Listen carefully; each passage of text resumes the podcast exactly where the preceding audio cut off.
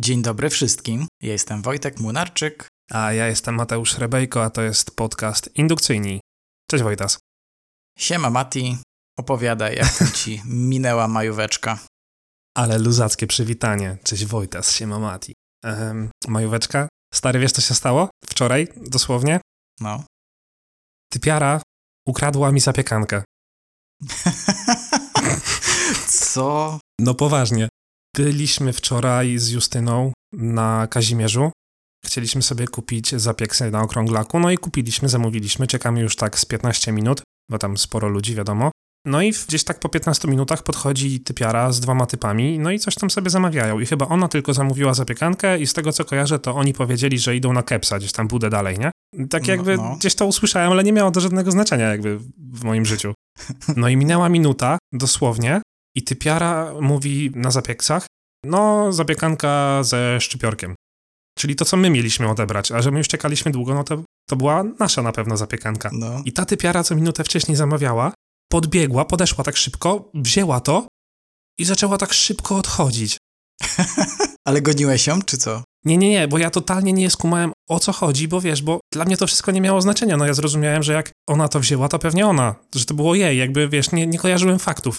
A Justyna tak na głos do niej, ale proszę pani, no chyba nie. To chyba nie pani.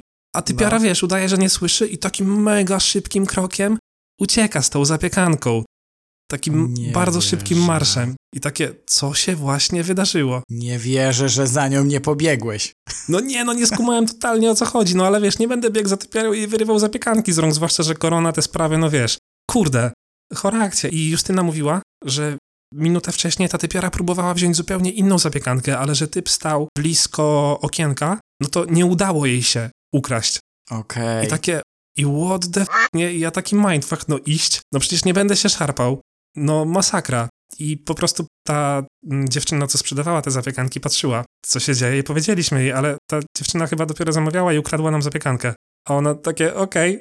I zrobiła nam, po prostu powiedziała, dobra, to następna, od razu teraz robię wam. Myślałem, że wiesz, będzie okej, to 8 zł następna, zapraszam.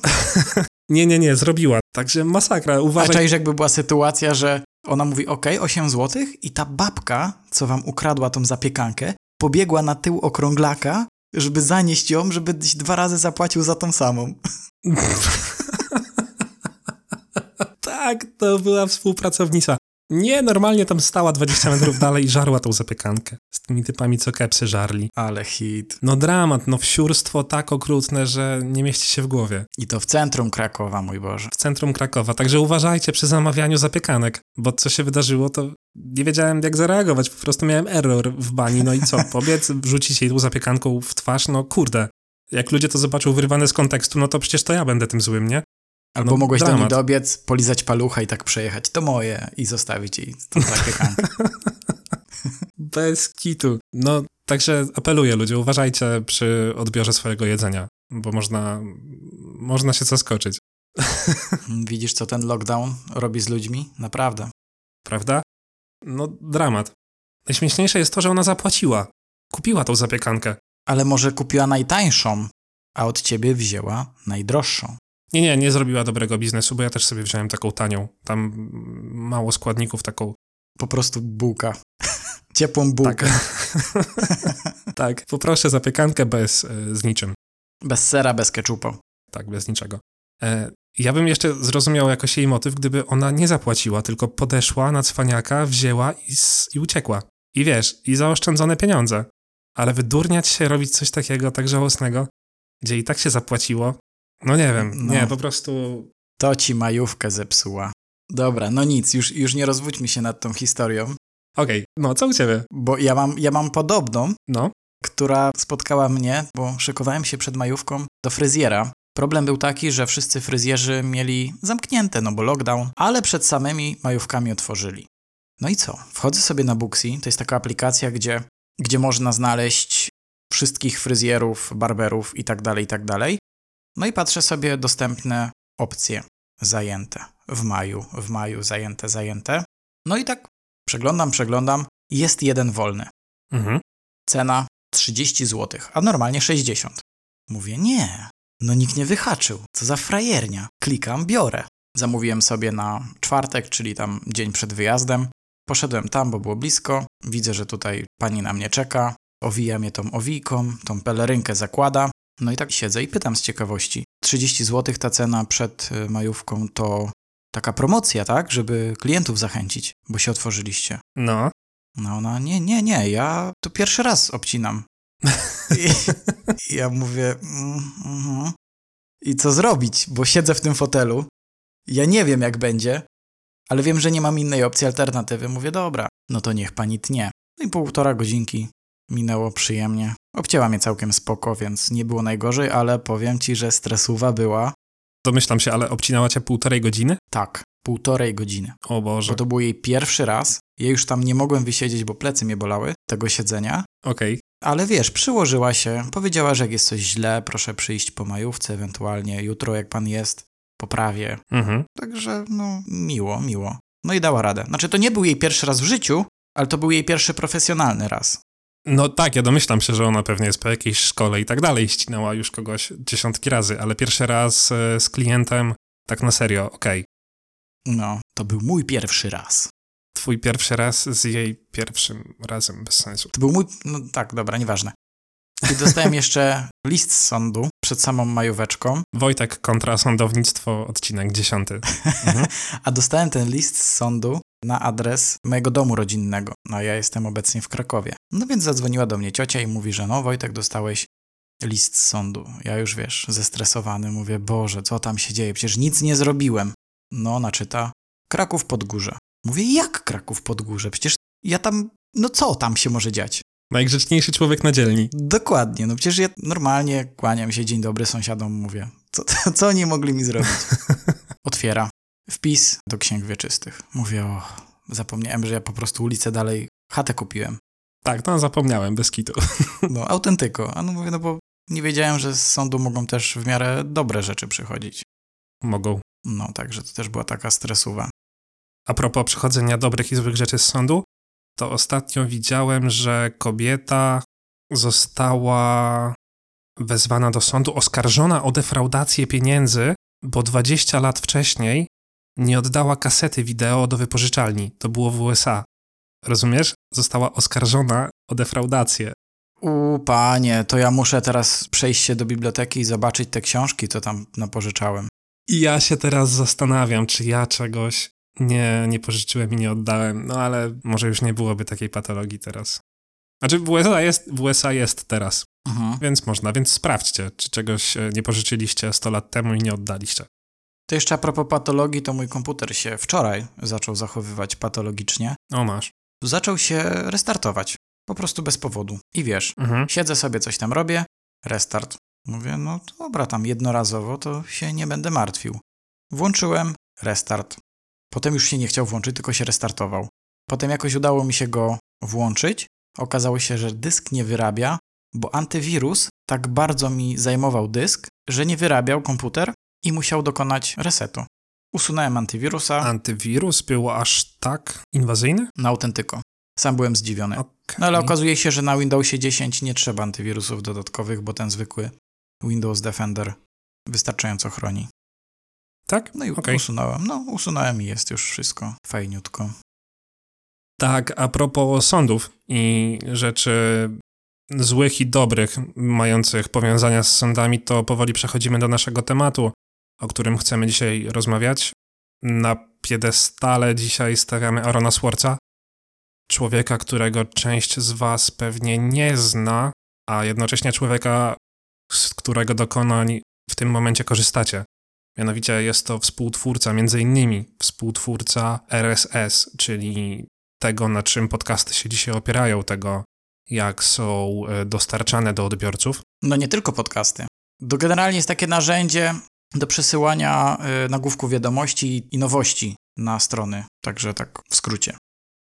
Tak, no tak, jak korzystacie sobie z jakiegoś dowolnego, nieważne czego, odtwarzacza, czy to Spotify, czy Apple, czy cokolwiek, czego, na czym teraz słuchacie, no to tam leci RSS i wy macie to jakby w swojej bibliotece, nasz podcast między innymi, a obok niego kilkanaście innych podcastów. No to w przypadku podcastów właśnie na tym to polega, ale nieistotne. To, to że on był współtwórcą RSS-a jest istotne, jest godne pochwały, bo on go współtworzył w wieku 14 lat. To jest w ogóle niesamowite. No, dobry wariat. Dobry wariat. W bardzo młodym wieku rozpoczął karierę. Mm, natomiast nie jest to najważniejsze. Chcieliśmy sobie dzisiaj porozmawiać o. Sami do końca nie wiemy o czym, o ideałach, o idolach, o tym, czy mamy kogoś takiego, bo ja nie lubię mieć ludzi, których uważam za idoli, bo uważam, że idol to, to ktoś w pewnym sensie idealny, a takich ludzi nie ma. Natomiast gdybym miał wy kogoś wyróżnić, to Aaron Swartz jest taką osobą i wcale nie chodzi o jego dokonania przy RSS-ie czy, czy Reddicie, bo to też współtworzył, a bardziej o walkę o dostęp do informacji. Tak, jeżeli chodzi o dostęp i całą walkę o to, żeby no, informacje były publicznie dostępne, ogólnodostępne dla każdego, kto chciałby taką wiedzę posiąść, no to jest to godne pochwały. Ciekawa rzecz, ponieważ dowiedziałem się, że założył stronę openlibrary.org. Dat. Czy coś. no jest to generalnie strona z dostępem do praktycznie każdej książki, z tym, że na rynku amerykańskim, niestety. No bo sobie kliknąłem, wchodzę, od razu wpisuję książkę, którą chciałem kupić, a mówię przy Janusze. Niestety nie ma za dużo treści w języku polskim, praktycznie znikoma część.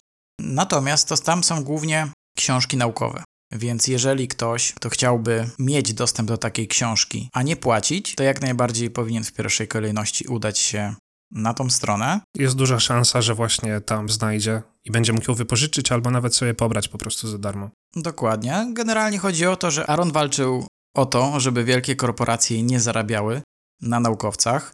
Taka walka na poważnie Arona Swartza z systemem, który pobierał ogromne pieniądze za to, aby ludzie mieli dostęp do wiedzy, zaczęła się od walki z systemem Pacer.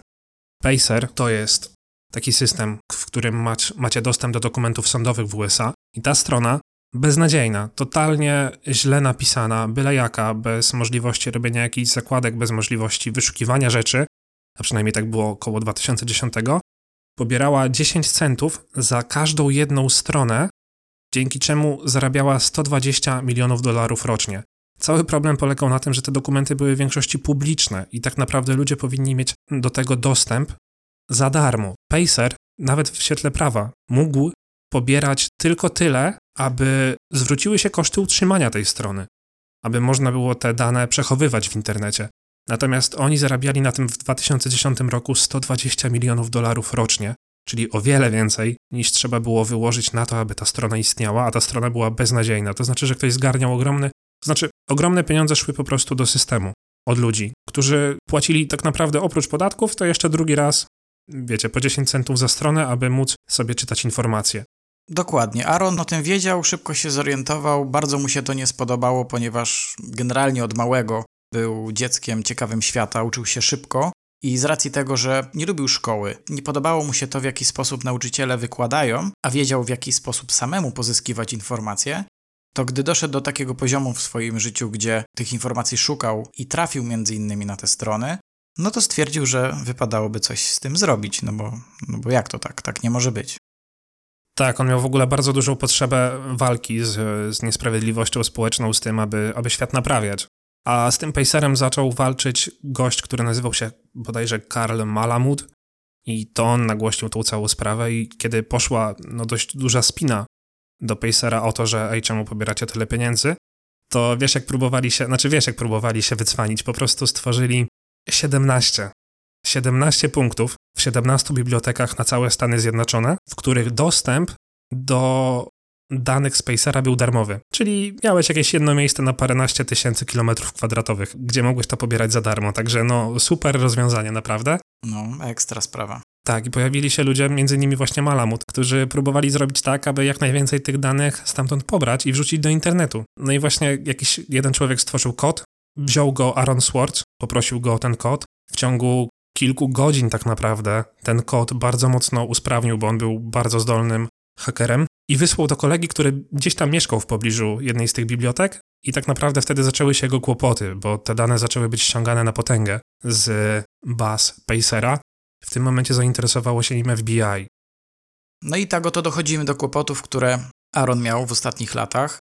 W lipcu 2011 roku y, Schwartz został oskarżony o włamanie do znajdującej się na serwerach MIT bazy danych JSTOR Stamtąd pobrał ponad 4 miliony artykułów naukowych. Normalnie za te artykuły się płaci. Ciekawostką jest, że po śmierci Schwartza można było już czytać je za darmo. Natomiast Schwartzowi zarzucano, że zamierza te artykuły opublikować w sieci. J-Star nie chciał ścigać Schwartza na drodze cywilnej, ale wciąż czekał go proces karny. No i ciekawe, bo za włamanie groziło mu nie tylko ogromna grzywda, ale też kara więzienia do 35 lat. On twierdził, że jest niewinny. Pytanie, Mateusz, jak ty się na to zapatrujesz? Czy rzeczywiście niewinny, bo nie robił nic takiego, co mogłoby rzeczywiście komuś sprawić krzywdę, bo tak też e, go oskarżali, czy też y, uważasz, że to jest inny rodzaj przestępstwa? Właśnie, i tu dochodzimy do sedna sprawy, którą dzisiaj poruszamy, bo mm, nie chodzi nam o to, aby przedstawić wam cały życiorys Sworca, który, spoiler alert, smutny, nie żyje, ponieważ po oskarżeniach o włamanie i po tym, jak zaczęło mu grozić naprawdę mocno więzienie, człowiek się po prostu zabił. Został znaleziony martwy w swoim mieszkaniu, jeśli dobrze pamiętam, na Brooklynie. Lekarz stwierdził, że się powiesił. I tak, i cały problem, cała dyskusja ta dzisiejsza polega na tym, gdzie jest granica tak naprawdę. Czy Swords robił dobrze, bo na pewno miał idealistyczne pobudki, na pewno kierowały nim dobre intencje, aby udostępnić ludziom rzeczy, na które tak naprawdę zasługiwali, aby je mieć, aby, aby móc z nich korzystać. Natomiast było to w danym momencie nielegalne. I czy Swords jest przestępcą, czy nim nie jest? Robił dobre rzeczy, ale niezgodne z prawem, więc mamy takiego współczesnego Robin Hooda w tym momencie. I ja nie wiem. No, ja ci mogę powiedzieć, co ja myślę. Powiedz. Że też nie wiem. Bo z jednej strony rzeczywiście miał rację, bo nie powinno się ograniczać ludziom dostępu do wiedzy. Z drugiej strony ci naukowcy albo osoby, które publikowały te wszystkie prace, też nie chciały pieniędzy. Więc dlaczego wydawnictwo żądało sobie zbyt dużych pieniędzy za to, co tak naprawdę tylko udostępniali? Tak, i to nie chodzi tylko o JSTOR, chodzi o wszystkie tak naprawdę wydawnictwa, które posiadają gigantyczne zasoby wiedzy, za które biorą ogromne pieniądze i przez to ludzkość ma bardzo ograniczony dostęp do, do zdobytej na drodze wielu lat wiedzy. No dokładnie tak. Natomiast z drugiej strony, no jednak moralnie to było wątpliwe, ponieważ włamał się jednak do siedziby firmy, podłączył się nielegalnie do serwera, no i rzeczywiście zaczął pobierać nie jego rzeczy. Więc z jednej strony, patrząc z punktu widzenia firmy, no facet nam wbija na, na firmę, podłącza się, pobiera, nie wiadomo co z tym zrobi, to nie jest jego i nie przyznaje się do winy. Nie przyznaje, ponieważ każdy, kto odwiedzał ten kampus, mógł te dane czytać, mógł mieć do nich dostęp. Więc no taka to była linia obrony, trochę, trochę słaba, ale taką sobie obrali z prawnikiem. Jedyna w zasadzie logiczna, ale mimo wszystko do kampusu nie należał, tak? To znaczy nie, każdy mógł odwiedzać. Każdy, kto odwiedza kampus, mógł, miał dostęp do tego. Po prostu siadałeś okay. do kompa i miałeś. No natomiast no, włamanie się do serwerowni, no to już jest trochę chyba wykraczające poza kompetencje zwykłego odwiedzającego. Jest artykuł o nim, artykuł, jest o nim film, który bardzo polecamy. Nazywa się Aaron Swartz, The Internet's Own Boy, albo Aaron Swartz, Złote Dziecko Internetu, coś takiego. Możecie to znaleźć nawet na YouTubie, gdzieś jest e, z polskimi napisami. To jest bardziej dokument. Dokument, no dokument jest Dokumentalny. filmu. tak, i polecamy. I tam na samym początku jest zadane świetne pytanie. Istnieją na świecie złe prawa. Czy powinniśmy ich A. przestrzegać, B. zmieniać i przestrzegać do momentu zmiany, czy C. powinniśmy je łamać od razu? No i według mnie to jest. No tak, mądrze to brzmi, no ale niestety nie ja to wymyśliłem. Powiedział to ktoś mądry, kto będzie cytowany na samym początku tego filmu, i Aaron Swartz jest świetnym przykładem tego dylematu. Według mnie mógł posunąć się trochę za daleko. Rozegrał to po prostu źle. Nie twierdzę, że to, co zrobił, było złe. To nie było złe. Twierdzę po prostu, że to, co zrobił, było, było głupie. Aaron Swartz był jednostką wybitną, która mogła zrobić wiele dobrego dla świata, natomiast posuwanie się za daleko mogło sprawić, że zostałby odcięty od możliwości zmiany tego świata i po prostu pójść do więzienia. No albo jeszcze gorzej. Powinien walczyć z systemem i zmieniać go na lepsze nieco mądrzej i ostrożniej. Generalnie masz na pięku z FBI, ludzie śledzą cię na każdym kroku, patrzą ci na ręce a ty dokładasz jeszcze manifest, mówisz o tym, że świat jest skorumpowany, praktycznie same brudy wyciągasz, no co może się stać później? Normalne, że ci się do dupy dobiorą. Tak, to znaczy, no, czy ty go krytykujesz za to, że, że walczył o, o to, w co wierzył? Nie, nie, nie. Oczywiście, że nie. Natomiast wydaje mi się, że to była taka bardzo Mhm. heroiczna walka, taka, bym powiedział, romantyczna, jak rzeczywiście do filmu. Okej. Mógł naprawdę zrobić to lepiej, tym bardziej, że miał pomoc prawnika. Wiem, że na te rozprawy w ciągu dwóch lat jego ojciec opowiadał właśnie w filmie, wydali kilka milionów. Tak, jako współtwórca e, Reddita, to znaczy współtwórca firmy, która potem współtworzyła Reddita, coś takiego. Pieniędzy trochę miał. No oni tam ją sprzedali i zarobili sobie naprawdę dużo Tak, pieniędzy, tak, tak, tak. Co mogę powiedzieć dobrego akurat, co mi się najbardziej podobało i co dotyczy tak naprawdę wszystkich z nas? Był główną osobą, jedną z wielu, ale według mnie główną, które zatrzymały Sopa. Czy ty, Mateusz, pamiętasz te czasy, jak tutaj było głośno na ten temat? Pipa Sopa? Nie pamiętałbym tego, gdyby właśnie nie ta postać Arona Swartza. Natomiast no, później bardzo podobna akcja działa się w kwestii akta i to już pamiętamy lepiej. Dokładnie. To już ludzie na pewno lepiej pamiętają. No generalnie to jest y, w Ameryce, to był w Ameryce projekt ustawy, który miał zredukować problem z nielegalnymi kopiami muzyki, filmów i tak. Tylko był bardzo źle napisany. To po prostu mogło zaorać cały rynek, ponieważ jeżeli ktoś gdzieś usłyszał, że jego utwór jest dostępny i wykorzystywany przez inną jednostkę, to tak naprawdę mógł to automatycznie zbanować, no i odciąć taką osobę od źródełka, albo narazić jeszcze, co gorsze, na jakieś koszty. A tak naprawdę ludzie byliby bardzo albo nieświadomi na początku i by no, były pozwy za pozwami, jak to się dzieje i co to ma być. No i by też ograniczały właśnie twórców. Więc był jednym z osób, które się temu sprzeciwstawiły na początku. Głośno krzyczał, porwał ludzi, stworzył platformę, którą, gdzie tam ludzie mogli się wpisywać yy, Zbierać podpisy. Zbierać w podpisy, mógł tak. W tym miejscu, tak. No i dzięki temu tak naprawdę to ożyło i mimo, że wszyscy mówili, że nie da się tego zatrzymać, no to się okazało, że później wycofywały się takie duże firmy jak Mozilla, Google też pokazywał, że jest przeciwko temu, temu projektowi. No i cóż, no i okazało się, że można zatrzymać tak duże, tak duże siły. Tak, także lubimy gościa za to, co osiągnął. Jest nam, jest mi bardzo przykro, że tak szybko zakończyło się, zakończyło się jego życie, bo popełnił samobójstwo w wieku, jeśli się nie mylę, 26 lat. Anyway, osiągnął bardzo wiele, jak na tak krótki okres. Także gdybym miał kogoś wyznaczyć, z takiego gościa, którego podziwiam, to myślę, że Aaron Swartz jest pierwszą osobą, która przychodzi mi do głowy. Masz kogoś takiego swoją drogą? Już nie musimy o nim rozmawiać, ale... A w ogóle co sądzisz? Może o tak, o... No właśnie i powiem ci, że jak, jak sobie czytałem na jego temat, oglądałem filmy, artykuły przeglądałem, Mhm.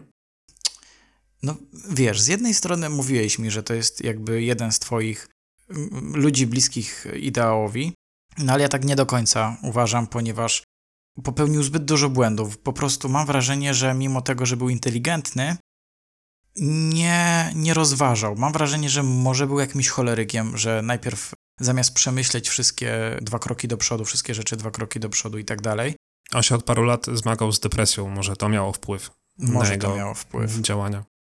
Bardzo możliwe. No i one były takie nie do końca rozważne. Były odważne, ale mam wrażenie, że nie były rozważne i no okej, tacy ludzie są potrzebni, natomiast uważam, że można to było zrobić lepiej, ale też nie wiemy, co w jego głowie się działo. On nie był osobą wylewną i to mógł być właśnie problem, że nikt nie mógł, nie był w stanie mu pomóc, bo on też się nie otwierał za bardzo na ludzi.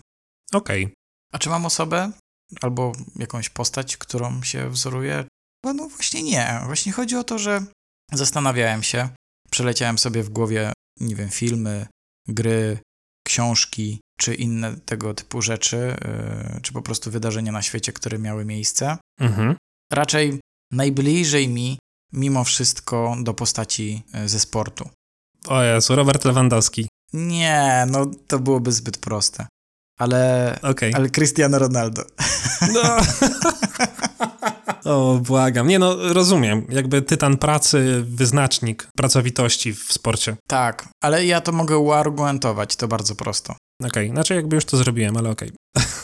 Chodzi, chodzi o to, że wiele osób mówi Messi, Ronaldo i tak dalej, nie? No ja to rozumiem, no Mhm. bo to jest dwóch największych piłkarzy na świecie, tylko że każdy się zgodzi z tym, że Messi ma dar.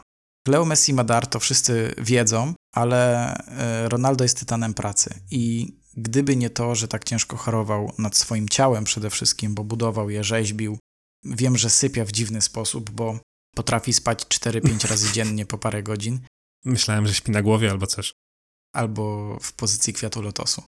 I wiesz, i dzięki temu tak naprawdę jest w pełni sfokusowany na tym, co robi, jest profesjonalistą. Wiadomo, że będzie po prostu grał coraz gorzej, no bo jest starszy i też nie pozwala mu na to ciało, tak jak to było kiedyś. No ale właśnie dzięki temu, no, ciągle ma wielu kibiców na świecie, także no według mnie jakbym miał brać z kogoś przykład, to właśnie z kogoś, kto osiągnął sukces ciężką pracą.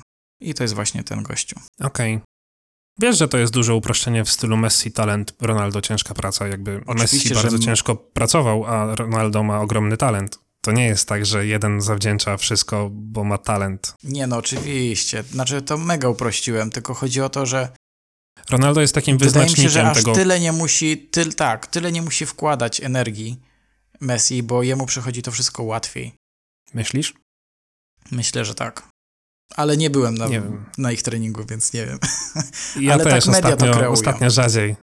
No tak media to kreują, bo to się ładnie sprzedaje, natomiast myślę, że no każdy piłkarz na najwyższym poziomie, może nie, nie jest jakiś ultra w 100% profesjonalny, na pewno nie aż tak jak Ronaldo, natomiast musi sporo pracy włożyć w to, aby znaleźć się tam, gdzie jest. Chociaż jak czytam czasami o odpałach różnych piłkarzy, to no to wiadomo, do Ronaldo im brakuje sporo. Nie, spoko, spoko. Myślę, że to dobry wzór do naśladowania, bo myślę, że człowiek ten ma wręcz chorobliwą ochotę do bycia najlepszym, potrzebę bycia najlepszym. Potrzebę Nie wiem, czy, czy taka.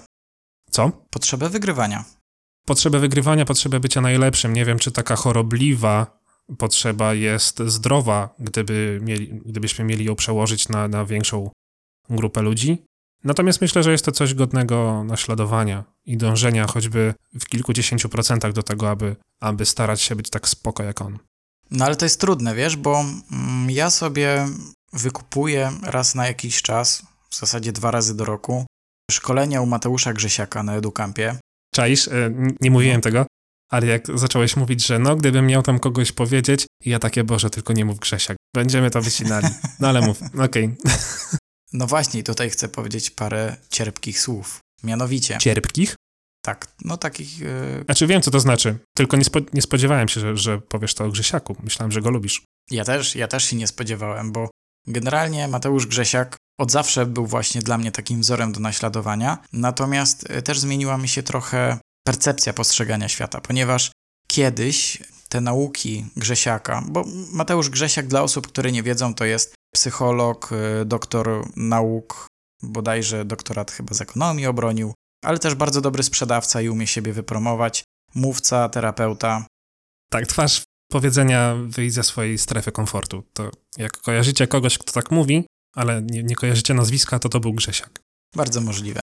No bardzo, tak, bardzo możliwe. I co? Generalnie przez y, kilka edukampów y, mocno byłem zajarany jego osobą, jego charyzmą, tego w jaki sposób nastraja na myślenie milionera, w jaki sposób pokazuje, że można być tak naprawdę lata świetlne przed kimś, tylko trzeba się uczyć, bo to wszystko jest w nas. No i długotrwale to rzeczywiście działało, natomiast ja też z wiekiem jakby weryfikuję pewne rzeczy, które on mówi, bo wiadomo, że najpierw ci ktoś coś mówi, potem ty musisz doświadczeniem zobaczyć, czy to jest realne do wykonania, czy nie, Mhm. i ewentualnie poprzez swoje doświadczenia, przez ten filtr swój przepuścić i zobaczyć, czy w ogóle to ma sens. I jak to wygląda teraz? Mianowicie męczy to, jak ktoś za każdym razem mówi ci, że ty masz iść pod górę, że nie ma sensu odpoczywać, bo odpoczynek to jest tylko tracenie czasu, bo ty w międzyczasie możesz robić to, to, to, zmaksymalizować swoje życie, bo zostało ci tylko 50 lat życia i jak ty w ciągu 30 lat zrobisz tyle, to potem 20 lat możesz odpoczywać, nie? Mhm. I wiesz, z jednej strony, jak ktoś potrzebuje motywacji, ktoś chce osiągnąć sukces, spoko, ale na dłuższą metę, jak już sobie kilka lat tego słucham, szczerze, męczy mnie to. Bo mimo wszystko, ja też sobie czasem chcę, nie wiem, usiąść na kanapie, włączyć telewizor, zajadać się chipsami i siedząc na tej kanapie nie chcę myśleć o tym, że tak naprawdę marnuję ten czas, bo chcę sobie odpocząć i uważam, że relaks, spędzanie czasu właśnie ze znajomymi, z rodziną, z przyjaciółmi, znalezienie tego balansu to jest coś, co, co trzeba i on o tym też mówi, ale w tak małej, po prostu tak małej części, że stwierdziłem, że chyba na razie dam sobie spokój, więc dlatego nie mówiłem o Grzesiaku, bo stwierdziłem, że no nie, troszkę zaminusował i ma taką małą rysę na, na swoim wizerunku u mnie, w moich oczach. Okej, okay. że za mocno jednak dąży tak, do... Tak, za mocno. Do tego, żeby być efektywnym. Czaję, czaję. Ja bardzo ciężko mi znaleźć, e, ciężko mi uwierzyć w jakieś autorytety, mm, więc takie postacie jak Grzesiak, czy jacyś inni mówcy motywacyjni, czy jacyś trenerzy osobiści, bardzo sceptycznie do nich podchodzę, pewnie za sceptycznie. Jestem pewny, że można znaleźć coś ciekawego w ich naukach, ale ja mam jakiś problem z autorytetami i raczej ciężko byłoby mi uwierzyć w to, że to, co mówią, ma sens. Mhm. Ale, ale cieszę się. Cieszę się, że nie patrzysz tak zero-jedynkowo na nich, że mhm, spoko, wychodzimy ze strefy komfortu, mordo, tylko że potrafisz jakby docenić, e, znaczy zauważyć też wady w ich, w ich e, podejściu do życia i edukacji ludzi. Tak, w ich podejściu, w ich postępowaniu. Też sporo zauważyłem, że pandemia pokazała to, jaki kto jest i nawet czytałem zestawienie 10 największych bzdur naukowych i to wszystko zostało tak pięknie zaorane. Kurczę, o, no to nie uwielbiam. Tego... Bzdury naukowe są moimi ulubionymi rzeczami związanymi z nauką, także dawaj. Tak, nie mam, nie mam niestety tego artykułu przed sobą, ale było tam informacja o tym, że Edyta Górniak się wypowiedziała. No a to z Edytką to tam dużo Oj. było. tak, tak. To nie, to nie warto. Szkoda, szkoda taśmy na podcaście. Edyta Górniak, Naprawdę. Marcin Najman, bleble, to wiadomo. No ale właśnie on też walnął jakąś bzdurę biologiczną, już teraz nie mam tego przed oczami, ale jak to czytałem, to mówię, kurczę, no taki wykształcony facet, a jednak publicznie czegoś nie dopilnował. Kurde, ludzie robią zawsze ten problem. Ci często bywający w internecie, że w końcu każdy popełni ten błąd i pójdzie w tą dziedzinę, w której nie jest za dobry i powie coś z perspektywy specjalisty, którym nie jest. No i się ośmieszy. I boję się, że prędzej czy później ja też coś palnę durnego. No ale cóż, zasięgi do Grzesiaka jeszcze trochę nie dorastają, więc może nie usłyszę tego zbyt wiele ludzi. Tak, ale to pokazuje też, że ci najwięksi mają też największą rzeszę hejterów i tak naprawdę niektórzy czekają po prostu na jego potknięcie. Aż się nóżka powinie. Dokładnie, także u nas no nikt nie czeka, także spoko. Jeszcze nie mamy, znaczy w momencie jak to nagrywamy, to jeszcze nie mamy dislike'a, jak to wyjdzie, to już pewnie się jakiś pojawi. Nie, no na pewno coś tam się pojawi. Aż chyba sam sobie dam, bo już mnie wkurza, że nie ma. Nie, dobra, bo zaraz ludzie zaczną ten odcinek dislajkować. Nie róbcie tego. Mm. Tak, tak, ale jest to strasznie okrutna, brzydka tendencja u ludzi, którzy no w końcu ego rośnie ciutkę za dużo i trochę się wylewa i, i mówią o rzeczach, o których nie powinni się wypowiadać. Ja lubię, jak się wypowiadają specjaliści na jakiś temat ale jak ludzie nie są specjalistami, to niech mówią na początku, ja nie jestem specjalistą i ja do końca nie wiem, ale mi się tak wydaje. A oni zapominają o tym wstępie i udają, że wiedzą. Dokładnie tak. Tym bardziej, że właśnie przez to, że wyszła pandemia, wiele ludzi potraciło biznesy i po prostu nie zachowało zimnej głowy. I w emocjach, jak się czasem coś napisze, już nie mówię, że Grzesiak, bo ja nie wiem, jak on tam pisał, czy w emocjach, nie, nie, czy już nie, ale ogólnie, jego, nie, ja... tak, tak, uogólniając, to bardzo dużo ludzi w emocjach podejmuje decyzje i tak naprawdę no, stres to jest najgorszy doradca, a potem wychodzi, że no, będzie trzeba się wyskrobywać z tych niektórych słów, a czasem się tych słów nie da już cofnąć. No nie wyskrobiesz tego, nie wytłumaczysz, już niektórzy coś przeczytali i, i już tak zostanie. Tak, i wtedy jest nieudolna próba tłumaczenia się. Znaczy, przepraszam, ale to są najpiękniejsze dwa słowa, jakie można zestawić. O Jezus, jaki mem mi się przypomniał. No. Muszę powiedzieć. No było coś takiego, że był wpis kobiety, która mówiła, że mam najwspanialszego mężczyznę na świecie. Przeprosiłam go za to, że wracając z Erasmusa okazało się, że miałam tam faceta, potem go zostawiłam, yy, miałam z, dziecko z innym, ale wrócił do mnie po tym, jak tamten ham mnie zostawił i jest najwspanialszy i to prawdziwy facet, który potrafi poszanować kobietę. I komentarz. Okay. Ponoć największy łowczy na świecie polują już na jego poroże. Okej. Takie trochę. Z humorkiem. Z humorkiem na koniec, no. Tak. Dobrze. No to Mati, zamykaj podcast. Ja mam zapytać ludzi, co tam, co tam? Okej. O co ja bym was zapytał? Dajcie znać, e, co sądzicie o podejściu do idoli i jeśli macie kogoś, kto albo nim jest, albo jest blisko tego statusu, to kto to jest? I może w jednym zdaniu dlaczego? Zawsze warto poznać kogoś ciekawego. Dokładnie, bardzo fajne, jakbyście wrzucili. Mogą to być postacie fikcyjne, ale najlepiej, jakby to były właśnie jakieś realne, żebyśmy mogli mieć punkt odniesienia, jak to wygląda i czy rzeczywiście jeszcze tacy ludzie chodzą. Ja bym wolał kogoś realnego, no. No bo wiesz, fikcyjna jest po prostu postacią napisaną, no. Bardziej chodzi o kogoś prawdziwego. I obejrzyjcie koniecznie, nie koniecznie, ale obejrzyjcie, jeśli chcecie, ten film o Sworcu. Nie zawiedziecie się. Tak, polecam. Mimo, że film dokumentalny, bo wiem, że nie każdy lubi, to jednak warto poświęcić te troszkę ponad półtorej godziny. Tak, jeśli o kimś warto, to właśnie o nim. Nie jest tak powszechnie znany, zwłaszcza no, poza Stanami Zjednoczonymi, a myślę, że zasługuje na to, aby, aby być na ustach nieco większej liczby osób. Także dzięki wielkie. Pamiętajcie, żeby zostawić suba, dać łapkę w górę. Jak możecie, to udostępnić film dalej. No i słyszymy się za tydzień. Tak, dzięki za wszelkie pochwały, za wszelkie lajki, suby, udostępnienia. Uważajcie na siebie, pilnujcie swoich zapiekanek i do usłyszenia za tydzień. Cześć. Cześć.